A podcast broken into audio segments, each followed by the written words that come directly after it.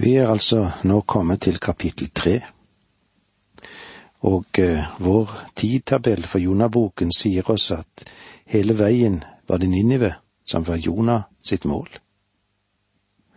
Og når vi nå altså har kommet til dette kapitlet, så er hans mål fremdeles Ninive. Han eh, forlater det tørre land og drar fremover til Ninive. Det har tatt han tre kapitler, og han har vært nødt til å gjøre vennereis via en fisk. Men så til sist så når han frem. Vendepunktet for ham var denne fisken. Den dreide han rundt og fikk ham til å sette nesen i riktig retning. Over dette tredje kapitlet vil jeg gjerne sette at den Herre Jesu Kristi ord kom til sin samtid, eller slik som det står i Lukas 11,30. For som Jonah ble et tegn for innbyggerne i Ninive, slik skal menneskesønnen bli det for denne slekt. Det vi setter også som overskrift her nå, er Den Gud som gir en ny sjanse. I det første verset i kapittel tre leser vi slik. Herrens ord kom til Jonah for annen gang, og det lød så. Herrens ord kom til Jonah for annen gang. Dette er et av de mest vidunderlige vers i hele Bibelen, det. Det er en strålende omtale om Guds tålmodighet, om Guds langmodighet. Noen har spurt på denne måten. Sett nå at Jonah dro tilbake til Joppe etter at han var spydd opp igjen av fisken, og kjøpte seg ny billett til Tarsis. Hva ville da ha hendt? Ja, jeg vet jo ikke, men jeg kan godt tenke meg at Gud ville forberedt enda en fisk og gitt ham en ny sjanse men det var ikke nødvendig denne gangen, for Jonah hadde allerede lært sin lekse, og nå drar han til Ninive, og det er det ingen tvil om. Jeg tror nok det samme kunne ha blitt sagt om den fortapte sønn. Sett nå at gutten de følgende ord hadde sagt til sin far, Far, nå får du utruste meg jeg drar til et land langt borte. Tror du at faren ville ha støttet ham? Det tror jeg absolutt. Det interessante er jo at gutten egentlig ikke dro til et land langt borte. Hvorfor? Fordi han er sønn av sin far, og han ønsket ikke å havne i grisebingen igjen. Guds barn kan falle i synd, men de ønsker ikke å leve i synd. Griser, de ønsker å leve i grisebingen. Og barn, de lever i fars hus. Det er så enkelt, men også så viktig. Herrens ord kom til Jonah for annen gang, stod det i dette verset. Vår Gud er en Gud som gir den andre sjansen. Herrens ord kom til Jonah for annen gang. Hvilken svimlende og vidunderlig ting det egentlig er, dette. Gud vil gi oss nye sjanser, og han gir oss mer enn det. Jeg vet at han har gitt meg dusinvis forskjellige sjanser. Han er langmodig og tålmodig, og han vil ikke at noen av oss skal gå fortapt. Om du er hans barn, så vil han holde fatt i deg, han vil holde fast ved deg. Det kan du være helt sikker på. Nå får Jonah kallet fra Gud for andre gang. Jeg er ikke sikker på at de store selskapene i vår tid gir et menneske så veldig mange sjanser. Her skal kostnadene ned. Og ikke bare det, menneskene skal ut er det da ikke herlig å vite at Gud gir oss en andre sjanse, en tredje sjanse og en fjerde sjanse? Og dette er ikke noe uvanlig som Gud bare gjorde i Jonas sitt tilfelle. Det er ikke noe unntak vi møter her med Jonah. Husk for eksempel historien om Jakob som du finner i første Mosebok. Jakob sviktet igjen og igjen og igjen og igjen til han til sist faktisk ble en skam for Gud og en kilde til irritasjon for ham. Men Gud, han slapp aldri tak i ham. Jakob, han manipulerte hele tiden. Han var dyktig. Han prøvde å lede, leve gjennom sine egne anstrengelser og evner. Selv da han dro av sted eller ned for å bo hos sin onkel Laban. Laban var smartere enn Jakob, og lærte den ynglingen mangt og meget. Og Jakob, han gjorde det godt. Men til sist så måtte Jakob flykte og komme seg bort fra sin onkel. Han hadde plaget både sin svigerfar og sin bror Esau på grunn av sin oppførsel.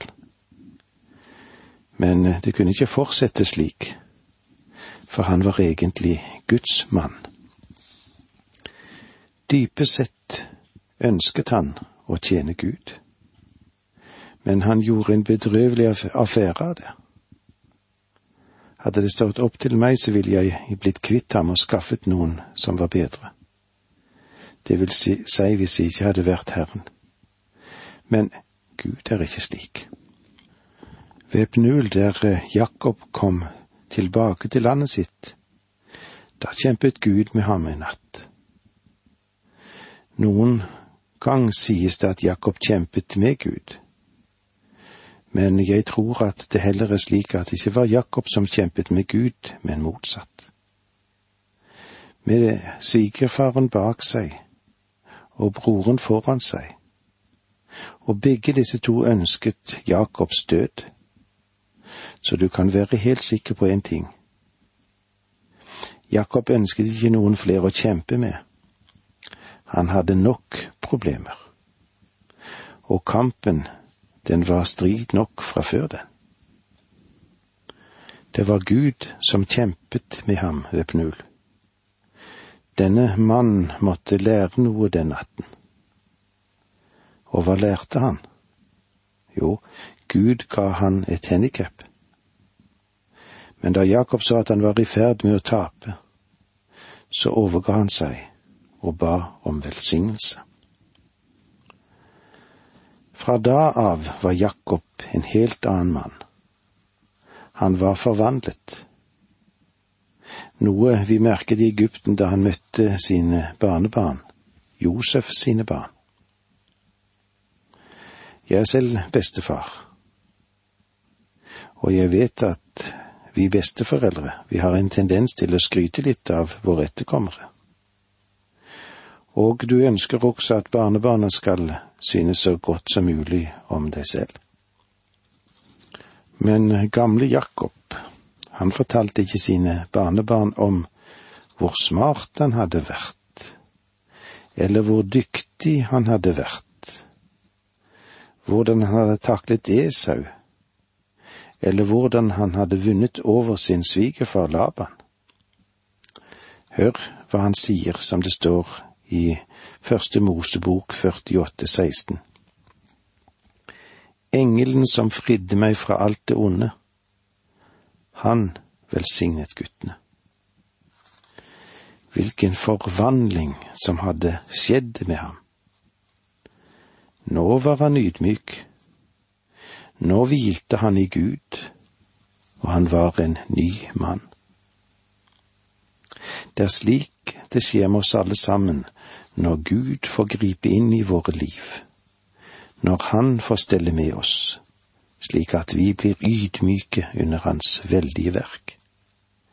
Det er frelsens verk som gjør dette. Og eh, det var så langt vi kom i dag. Takk for nå, må Gud være med deg. Dette undervisningsprogrammet består av to deler. Åge Nevland fortsetter nå med andre del av dagens undervisning. Vi er i profeten Jonah, denne boken som er så merkelig. Den har så mye å gi oss, og den er mye kritisert. Og så fortelles det òg at dette er en av de eldste profetbøker som vi har. og den er viktig for oss alle sammen. Og nå er vi kommet til kapittel tre, og i det første verset i kapittel tre så står det Herrens ord kom til Jonah for annen gang, og det lød så. Det er vidunderlig og godt for oss å vite at Herren kom til Jonah for annen gang. Han har kommet til deg og meg mange en gang, og han har kommet til mange av de av våre forfedre opp igjennom tidene, både Jakob, Abraham og David. I historien om David så får vi se hvordan det var med han. Det var ikke bare Jonas som fikk oppleve dette, men David fikk òg oppleve det. Selv i dag er det mange som ønsker å kritisere David. Hvorfor det? Jo, det er jo sant at David begikk fryktelige synder, men Gud straffet ham for det. Gud tok han med ut i vedskjulet og banket han, så du av og til hadde følelsen av at nå sto det om livet. Og til slutt, hjertet hans ble knust da hans sønn Absalom ble drept. Det var den gutten han hadde ønsket skulle etterfølge han som konge. Men Absalom forrådte ham. Han ledet et opprør mot David og ble myrdet. Å, som David gråt. Han ropte, Å, Absalom, min sønn, min sønn. Å, om jeg var død i ditt sted. David fryktet at Absalom ikke kjente Gud, så han var knust resten av livet. Gud straffet David på grunn av hans synd, men Gud tilga David da han kom til ham og sa, Gi meg igjen min frelsesfryd, som det står i Salme 51, 12. Vi har en annen ifra en nyere tid som òg har opplevd hvordan det er å få komme til Gud for annen gang. Simon Peter var også en som snublet og falt, og han ble temmelig møkkete. Ja, han ble møkkete. Han fornektet Kristus, og da han sto der og så inn i domssalen, fanget han Herrens blikk. Og det var ikke et blikk fylt av vrede, men et blikk med medlidenhet, med barmhjertighet.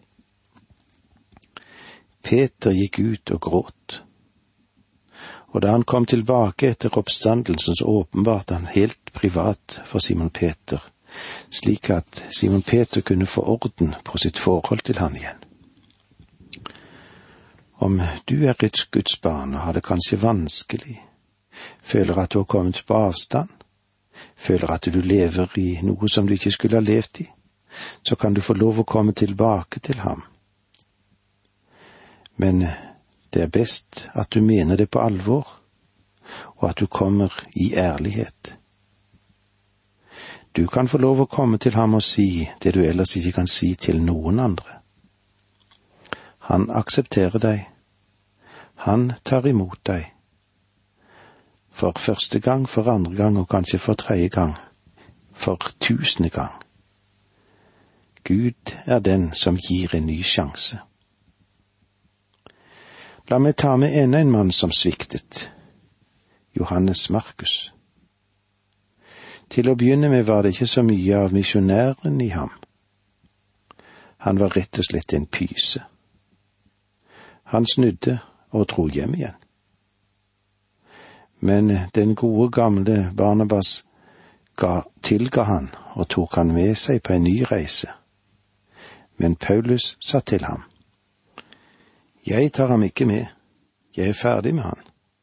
De som snur og rømmer hjem til mamma slik som denne Johannes Markus, tar jeg aldri med meg igjen. Paulus måtte forandre mening noe senere. For Gud ville ta imot, og Gud ville bruke Johannes Markus. Så da Paulus skrev det andre Timotius-brevet, eller det vi også har kalt for sin svanesang, så sier han i 2. Timotius 4,11. Ta Markus med deg når du kommer. Han er til stor hjelp for meg i tjenesten. Johannes Markus gjorde opp for seg. Er du ikke glad for at Gud ga han en ny sjanse? Selv om ikke Paulus skal ha noen ny sjanse. Jonah-historie er en illustrasjon på hvordan Gud behandler sine barn, når de synder, og når de kommer tilbake til Han. Den fortapte sønn kom hjem, og da han kom hjem, da ble han ikke banket opp. I stedet for bank, så fikk han en bankett. Han ble ikke sparket ut, han fikk et kyss i stedet. I stedet for at den fattige gutten ble lempet ut av huset og vraket, tok faren han inn til seg, og han fikk oppleve nåde. Hvor vidunderlig dette er, ikke sant? Nå vil vi se hvordan det er når Jonah kommer til Ninive. Vi vil se hvordan Gud òg er nådig mot en syndig by. Dette er kanskje en beskrivelse av det som kanskje er historiens største vekkelse. Det vil si det vi kaller en vekkelse. Mennesker som venner seg til Gud. Det som hendte i Ninive, gjør det som hendte òg på pinsedag, til en liten affære. Noen få tusen vendte seg til Gud på pinsedag, men det var flere hundretusende mennesker i Ninive som vendte seg til Gud. Aldri har det vært noe som kan sammenlignes med dette. En hel by vendte seg til Gud. Ingen andre har heller sett at noe slikt har skjedd. Apostelen Paulus ble aldri i en by så lenge at han fikk se at alle ble omvendt. Han forkynte bare ordet, og så dro han videre til neste by. Ingen helt fra den dag og frem til nå har sett en så mektig gjerning av Guds ånd som det som fant sted i Ninive så langt tilbake i tiden. Det er interessant å legge merke til alt dette som hendte i Ninive. Ja, det hendte jo før kirken, eller før menigheten dukket opp på verdens arena. Den aller største vekkelse. Vet du hva tid den vil finne sted? Jo, etter at menigheten har forlatt jorden. Du forstår at Gud ganske enkelt ikke er avhengig av kirken. Og om du har den forståelse at menigheten, eller den kirken som du går i, eller den gruppe som du hører til, er det, er det ene som Gud har tatt, hatt i tankene sine, så må jeg få lov å si til deg ganske enkelt at det er en litt gal oppfatning, det. Gud har noe større i tanken enn selve menigheten. Nå er det slik at menigheten skal være Kristi brud, og vil ha den nærmeste plassen ved Guds sønns hjerte gjennom evigheten. Men Gud hadde én hensikt, én målsetting før kirken dukket opp, ja, faktisk før mennesket ble plassert på jorden. Gud satt ikke bare tvinne tommeltotter og ventet på at menneskene skulle dukke opp. Nei, han har vært i aktivitet hele tiden og i dag er hans budskap, hans oppgave, hans hensikt å kalle ut et folk fra alle stammer, fra alle tungemål og alle folkeslag. Vi tror vi nærmer oss tidens slutt, og at Gud ønsker sitt ord spredt over hele jorden så alle kan høre det. Men den største vekkelse, den største omvendelsesprosess til Gud i historien, ligger i fremtiden og tildragelsen i Ninive, det er bare et lite svakt bilde på det hele, det. I vers to i kapittel tre så står det slik, Stå opp, gå til storbyen Ninive, og rop ut over den det budskap jeg gir deg. Det er tidligere sagt i Jonaboken at byen Ninive var en storby, eller slik vi leser det i første kapittel i Jona, vers to. Stå opp, gå til storbyen Ninive og rop ut over den at jeg har sett ondskapen der. Og uh, går vi til uh, det siste verset i Jonaboken, så understrekes det samme. Kapittel fire vers elleve. Skulle da ikke jeg være bedrøvet over storbyen Ninive, hvor det bor mer enn tolv ganger ti tusen mennesker, som ikke vet forskjell på høyre og venstre, og hvor det finnes en mengde dyr. Kritikerne de har satt fingeren på så mangt i Jonaboken, og et av dem er at det tredje, tre ganger sies i dette skriftet at Ninive var en storby, en meget stor by, og at det var mye synd, stor synd, og at det var en meget stor by. Og når det er en storby, så var det òg mye synd. Men han visste ikke noe om dette stedet før 1845, da Lyard, en franskmann, var den første som gransket ruinene etter denne storbyen. Og Georg Smith grov ut den gamle Ninive. Det virkelige Ninive, eller gravhaugen av Ninive, var rett over Tigriselven fra den moderne byen Mosul. Den var bygget som et trapes, som var ca. tre og en halv kilometer lang og ca. 2 kilometer bred. Det er et ganske stort område. Men det er ikke tilstrekkelig for de mål som Jonaboken oppgir. Om disse tingene vil vi komme tilbake til når vi møtes igjen neste gang. Det var så langt vi kom i dag. Takk for nå, må Gud være med deg.